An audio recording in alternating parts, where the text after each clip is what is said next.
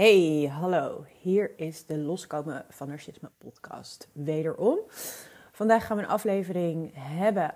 In deze aflevering gaan we het hebben over een thema wat al eerder voorbij is gekomen. En dat is projectie. Maar projectie, ik raak er niet over uitgepraat en ik raak er ook niet over verwonderd. Ik heb het onlangs ook weer een aantal keer in mijn eigen leven meegemaakt. In de zin van dat iemand anders het deed en hoe automatisch en snel het gaat. En dat je als ongetraind mens, ook zelfs ik heb het soms in het moment zelf nog niet door. Totdat je gaat terugredeneren en denkt, jeetje, daar was projectie gaande. Um, om met twee um, knallers te starten. Um, projectie.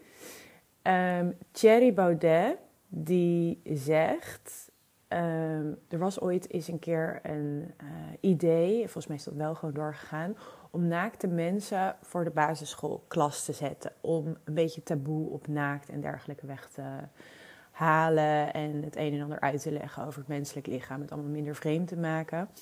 Um, dat is volgens mij in de Tweede Kamer gekomen, mocht om gestemd worden, mochten dingen over gezegd worden. En Thierry Baudet heeft toen uh, gezegd dat het seksualiserend is. Punt. Dat kinderen daar dan bepaalde gevoelens van zouden krijgen.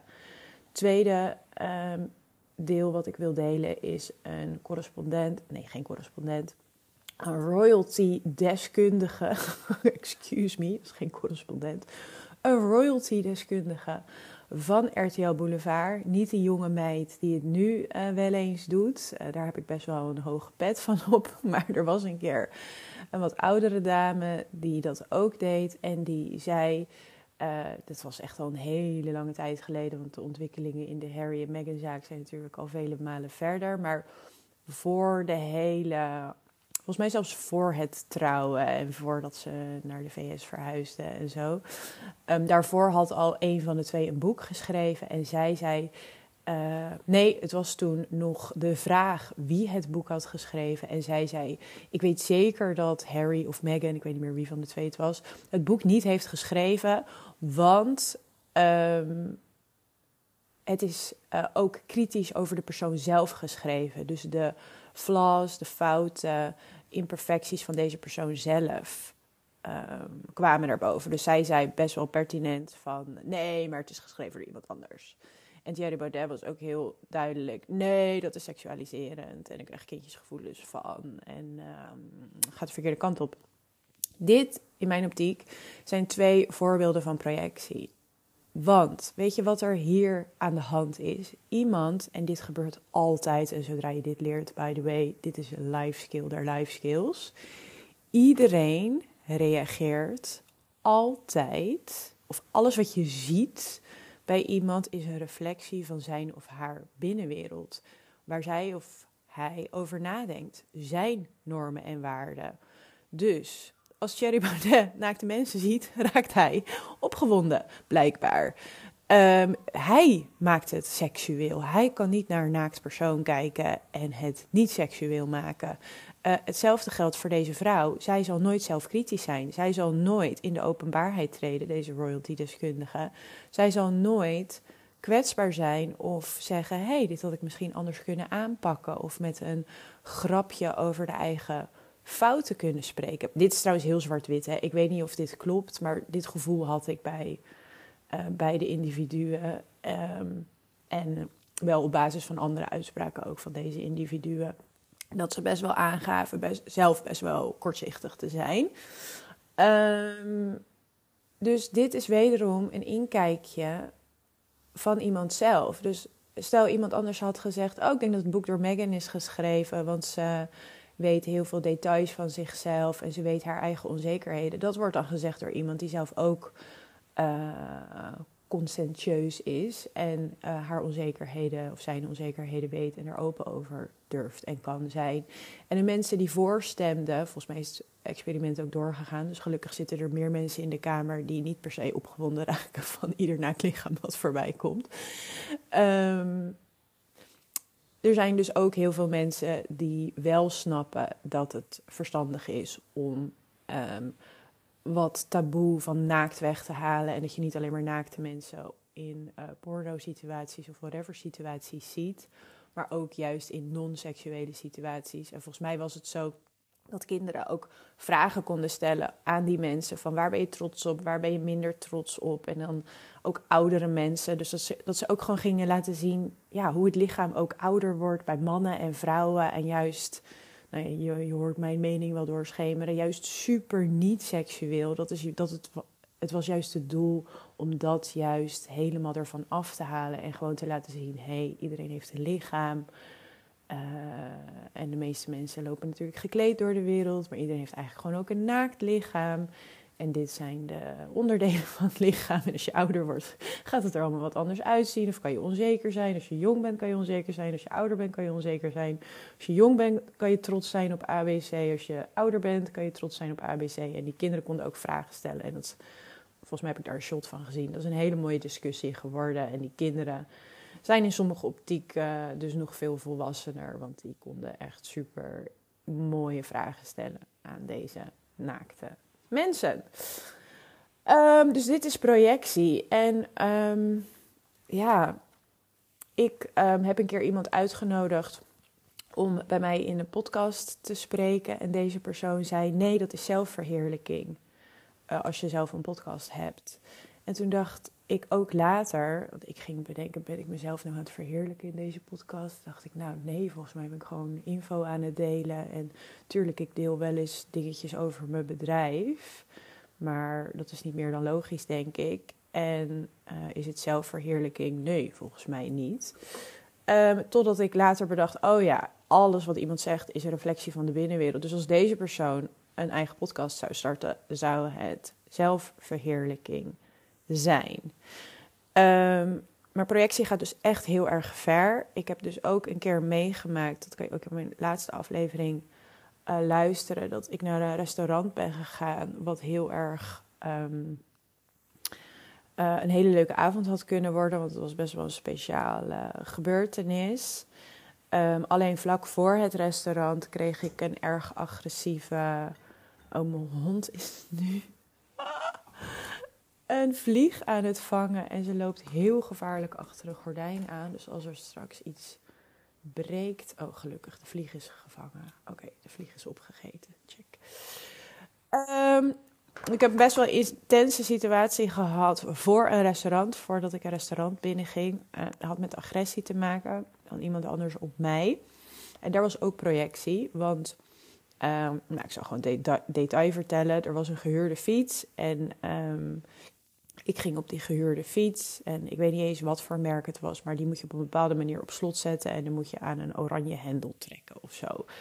Nou, ik, uh, deze andere persoon was al redelijk geïrriteerd. Ik deed al alles verkeerd uh, in het half uur daarvoor. Ik reed dicht tegen hem aan. Ik reed te ver bij hem weg. Ik, nou, ik deed al alles verkeerd in zijn hoofd. En uh, nou ja, hij kon zichzelf blijkbaar niet reguleren. ik heb nog even een grapje gemaakt van, nou, je, je, lijkt wel een beetje zagrijnig. Of wat kijk je zagrijnig vandaag? Maar um, die spiegel werd ook niet geaccepteerd. Het werd eigenlijk alleen maar erger. En toen kwamen we voor het restaurant te staan om een fiets te, mijn fiets te parkeren. En ik zet de fiets in het fietsenrek. En mij wordt geïnstrueerd om de oranje hendel naar beneden of naar boven te doen. En ik heb um, de fiets uh, van het slot afgehaald via niet een oranje hendel. Dus ik wist niet waar die zat. Dus in plaats van boven de fiets te blijven staan, loop ik, maak ik een soort van groter rondje om de fiets heen. Om dan van een afstandje te kijken naar de fiets. Waar zit dat oranje hendel? Nou, die zet was niet oké, want het leek alsof ik gewoon weg wilde lopen bij de fiets zonder hem op slot te zetten. Dat triggerde een enorme boze reactie. Uh, het is niet fysiek geworden, maar ik neem aan dat je je kan voorstellen wat, uh, hoe het eruit ziet vlak voordat het fysiek wordt. Um, en gelukkig stonden er allemaal mensen in het restaurant. Ze waren het voorbereiden. Stonden er allerlei obers nou, die geschrokken naar ons keken. Want het leek net alsof ik zou aangevallen worden door dit individu. Um, en um, wat er toen gebeurde was heel bizar. En ik schrok nog het meeste van mezelf eigenlijk. Was omdat ik heel erg schrok van deze agressie. Ik verstijf dan meestal. Uh, nou nee, ik versteef. Ik versteef. Ik verstijfde even en daarna gaf ik direct een grens aan. Dus ik. Hij deed. Nee, ik weet niet of hij verstijfde. Hij deed dit en ik was echt van: Hallo, ho, stop hier. En hij ging zeggen: Ja, ik dacht dat je wegliep bij de fiets. Ik, ik liep niet weg bij de fiets. Ik zette een stapje naar achter om te kijken waar. En dit apprecieer ik niet. En toen kwam de projectie. Dus projectie is je eigen uh, binnenwereld op andere mensen projecteren. Dus Thierry Baudet die opgewonden wordt van naakte lichamen op kinderen. Uh, deze vrouw die nooit een boek, kritisch, zelfkritisch boek zou schrijven uh, op Harry of Meghan.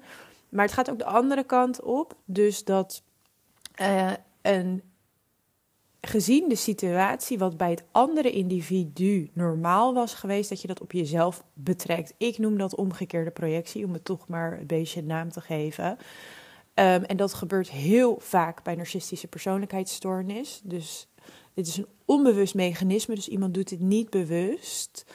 Um, maar dus eigenschappen van hem of haarzelf worden op anderen neergelegd.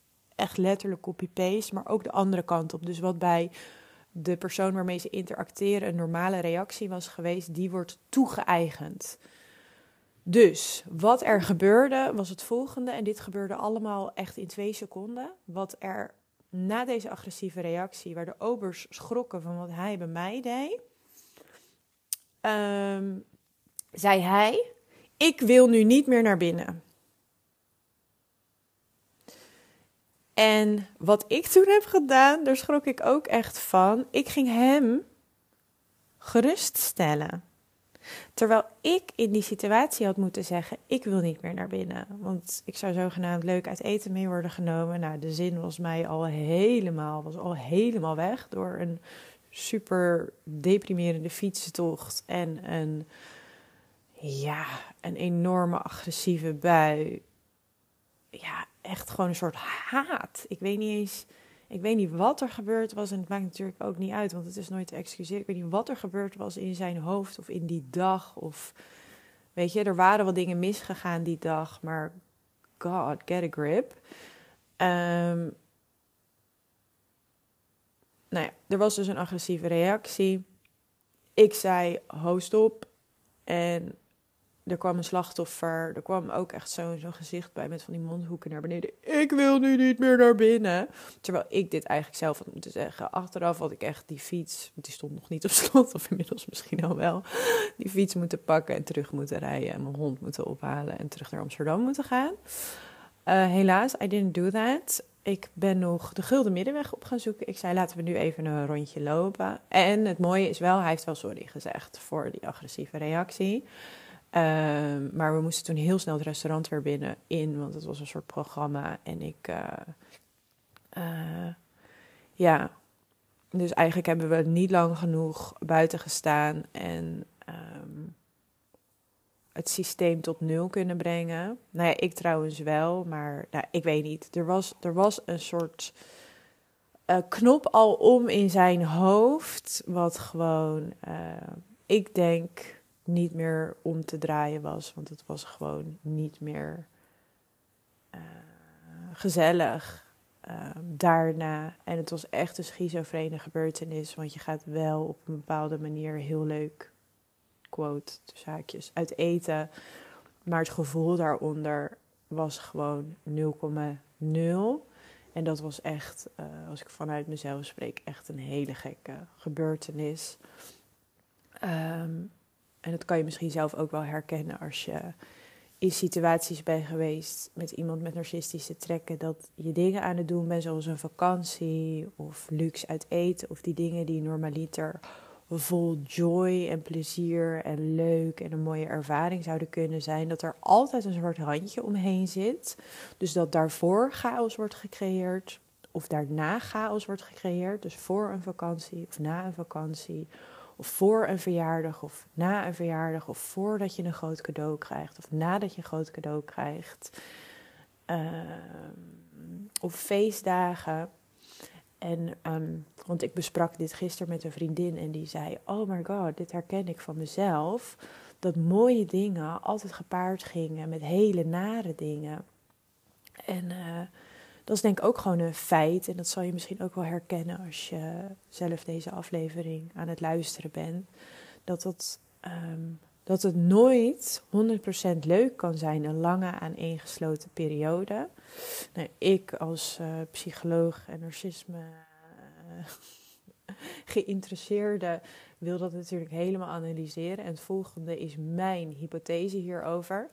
Ik denk dat mensen met narcistische persoonlijkheidsstoornis heel veel moeite hebben met lange aaneengesloten uh, momenten van plezier en geluk. En dat alles kumbaya is en goed gaat. Dat is voor hen volgens mij het gevoel van een gebrek van controle. Uh, ik ben niet aan het projecteren nu. Want ik kan het wel. Ik kan wel heel lang. Uh, tuurlijk, ik heb ook wel mijn uitdagingen gehad in mijn herstelpad om uh, steeds meer te wennen aan relaxedheid. Ik heb ook zeker gesaboteerd in het begin toen dingen langere perioden echt heel erg goed gingen.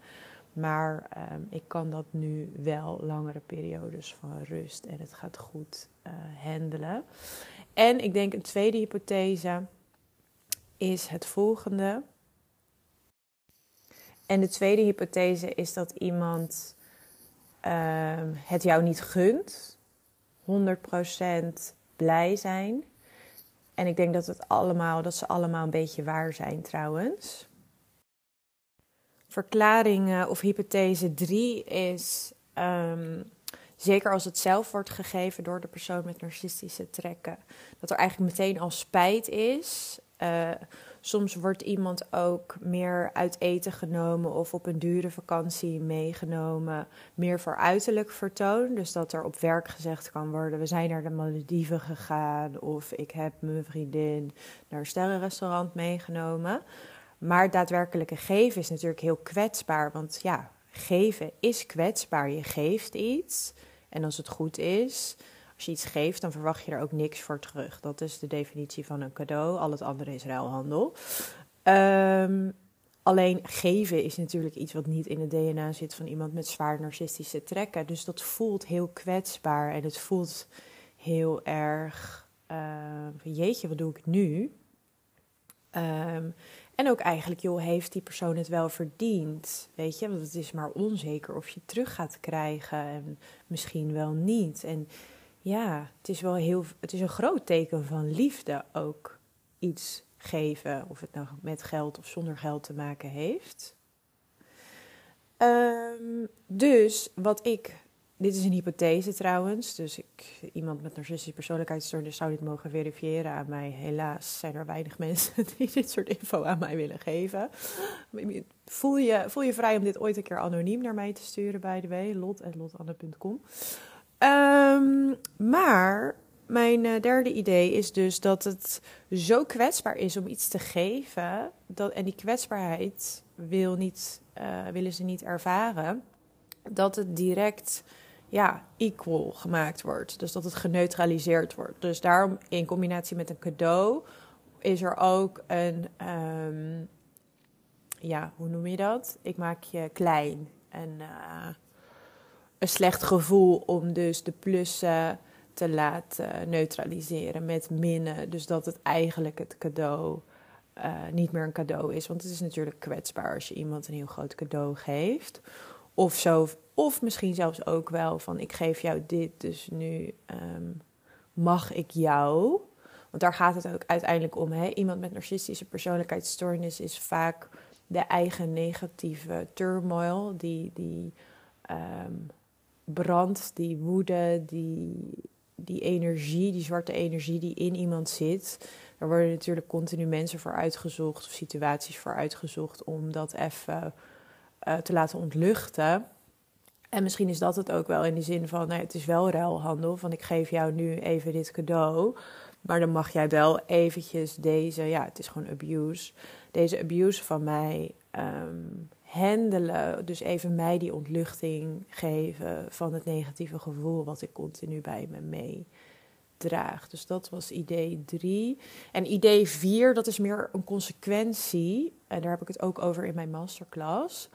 Uh, maar dit is gewoon een mega mooi voorbeeld om, uh, om, ja, om dus een van de um, casussen van uh, wat ik in mijn masterclass zeg aan te dragen, of een praktisch voorbeeld bedoel ik. Wat ik in mijn masterclass zeg, daar heb ik het over, um, nu moet ik het goed zeggen. Um, jeetje, het is zondag, dus ik ben helemaal niet in werkmodus. Dus de, de termen zijn nu even niet top of mind. Um, intermittent reinforcement. Thank you very much.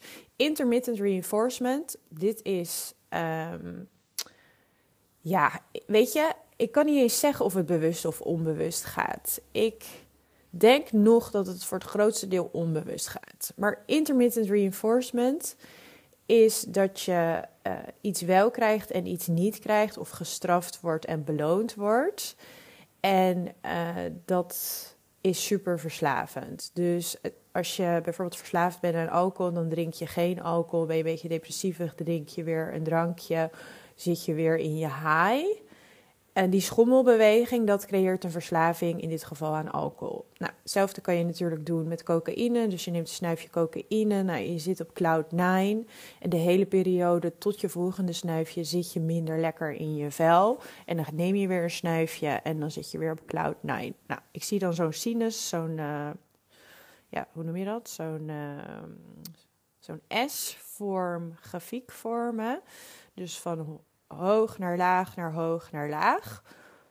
Alles wat jij in die grafiek plot, of het nou cocaïne is of alcohol, maar dus ook having a good time, gerespecteerd worden, liefde krijgen, als je dat plot op die grafiek, dat is net zo verslavend. En alles wat verslavend is, één, heb je mega grote focus op. Twee, wil je vaak niet loslaten. De gemiddelde alcoholverslaafde zal niet alcohol willen loslaten. De gemiddelde cocaïneverslaafde zal geen cocaïne willen loslaten. Gemiddelde liefdesverslaafde zal ook deze persoon niet los willen laten. Dus nogmaals, ik weet niet zeker of het bewust of onbewust gebeurt. Ik denk een combinatie van beide door de redenen die ik vandaag noemde, denk ik nog het grootste gedeelte onbewust. Um, maar nou ja, het resultaat maakt niet, is hetzelfde. Het resultaat is dat je super verslaafd raakt aan deze persoon en deze situatie vanwege die enorme ups en downs. Dus ook om dit uit eten voorbeeld te, noemen, ik ben hem helemaal aan het uitmelken. Maar ja, qua uiterlijk, ik werd heel luxe uit eten genomen. Um, het eten was ook fantastisch. Het was ook best wel voor mij. Het was ook echt een cadeautje voor mij, omdat het best wel in het hoekje zat waar ik blij van werd en hij minder. Dus ik ben daar ook oprecht heel dankbaar voor. Ik heb ook best een oké avond gehad. Tenminste, de dingen die, uh, die ik at en dronk. Um, maar daaromheen was het uh, negeren, uh, agressief negatieve energieën. Nou, dus ook. Um, ja, dus dat was echt gek. Dus daarvoor was trouwens agressief en daarna bedenk ik mij nu ook. Dus het was. Zo'n situatie doet zoveel met jouw zenuwstelsel. Dus een mega up en twee mega downs tussen elkaar. En ik merkte ook dat mijn hele systeem daarna want ik heb best wel hypnoses gehad, juist om weer tot mijn gevoel te komen. Want ik, heb een enorme, ik had een enorme muur om mijn gevoel heen gebouwd. Om dit soort dingen niet meer mee te maken. Omdat ik dit dus heel veel in mijn leven heb meegemaakt. De plussen en de minnen. Dus ik had een manier gevonden om mezelf helemaal af te stompen in dit leven. Zodat ik deze situaties aankon. Want ik had het op heel veel gebieden in mijn leven dat dit gebeurde. Dus ik werd niet meer heel erg positief van een up. En niet meer heel negatief van, van agressie en zo omdat ik daar dus uh, een enorme schulp voor mezelf had omgebouwd. Nou, dan ga je helen. En ik heb juist heel veel acties gedaan om um, mijn beschermingsmechanisme los te laten. Want ik merkte dat ik heel veel dingen daar geen gevoel meer bij had. Dus nou, lekker ironisch. Dus ik heb al die dingen gedaan zodat ik weer meer gevoel kreeg. Nou, en dan kom je patsboom in een situatie terecht. Het was misschien niet eens, het is absoluut niet de heftigste situatie geweest die ik in mijn leven heb meegemaakt. Maar omdat ik zo open stond voor het positieve, maar dus ook voor het negatieve, heeft deze situatie zo intens veel met mij gedaan. En niet eens met mijn hoofd, niet eens cognitief, maar mijn lichaam is er gewoon letterlijk een week lang ziek van geweest. Ik heb overgegeven. Ik heb hele gekke symptomen gehad. En het was gewoon echt mijn lichaam die, ehm, ja, die ook zei: Yo, stop hiermee. Uh, gelukkig maar ben ik, bedenk ik me nu, als ik dat mechanisme nog had gehad van, oh oké prima, ik word even uitgescholden en daardoor heel leuk uit eten genomen en dan weer iets agressiefs, helemaal prima, had ik doorgegaan. Maar nu, uh, cognitief kon ik misschien in dag, na dag één nog niet eens zeggen, dit, dit is echt niet oké. Uh, maar mijn lichaam die zei dit wel, die is gewoon zes dagen zo ziek geweest dat ik ook even weer dingen moest laten liggen qua werk en zo. En dat ik ook even daardoor weer even in de. Ehm, hoe noem je dat? Terugkijk, in de reflectiemodus ging. En dat ik uh, de puntjes aan elkaar ging lijmen en bedacht: wil ik dit? En aan het eind van die paar dagen lichamelijk last en focus ook op wat ik wil, kwam opeens. En het was niet eens in het begin was het niet eens dat het, dat het hele beeld duidelijk was van hoe ziek het was. Maar er kwam alleen al één puntje naar boven die al belangrijk genoeg was voor mij. Van oké, we gaan niet door. Dus dat heb ik toen direct gedeeld. En toen dat eenmaal stopte, en dat zeg ik trouwens ook. Jeetje, mijn hond. En dat zei ik trouwens ook op mijn. Uh, dus volgens mij staat die quote ook op mijn website. Je weet pas dat je in een narcistische relatie zat nadat je eruit bent. Ik deed me even op pauze, want mijn hond ging weer uh, los. Um, nee, dus wat op mijn website staat is narcistische relatie weet je pas als je eruit bent. En dus ook bij deze situatie wist ik pas hoe toxisch het was. Toen ik eruit kwam, want dan kom je toch weer meer in je gevoel terecht. Uh, ga je detachen, word je ongekoppeld en dan ga je dingen helderder zien. En dan zie je pas hoe toxisch het was. Um, dus dat. Dus allerlei redenen waarom dus de, um, het positieve met het negatieve wordt gekoppeld. Vaak door zo iemand. Vaak is het ongemak van positiviteit. Het wordt jou ook niet gegund. Lange periodes van positiviteit. Er wordt een cadeautje gegeven en er wordt er eigenlijk al direct spijt van. Uh, ja, oh, ik heb ook een voorbeeld van een oud klant, bedenk ik me nu.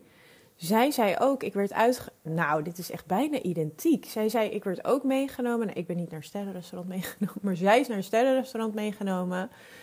En het was een heel erg leuke avond. Maar op de terugweg begon haar, was toen haar man, heel erg te huilen over hoe duur het was. En dat het allemaal.